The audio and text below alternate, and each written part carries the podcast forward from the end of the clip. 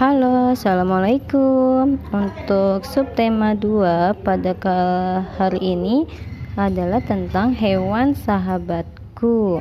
Nah, kalian pasti punya hewan peliharaan bukan? Uh, tujuan hewan berkembang biak adalah untuk mempertahankan dan melestarikan jenisnya. Ada beberapa cara berkembang biak pada hewan yang pertama, secara opipar yaitu berkembang biak dengan bertelur, pipipar berkembang biak dengan cara melahirkan dan ovopipipar berkembang biak dengan bertelur melahirkan.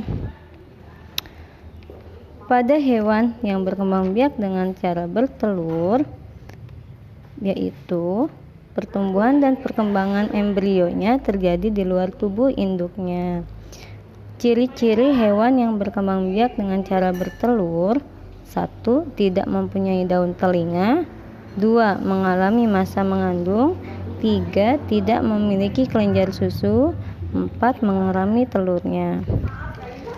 Adapun ciri-ciri hewan yang berkembang biak dengan cara melahirkan atau pipipar yang satu memiliki daun telinga, yang kedua memiliki kelenjar susu, Ketiga, mengalami masa mengandung. Yang keempat, memiliki rambut atau bulu yang halus.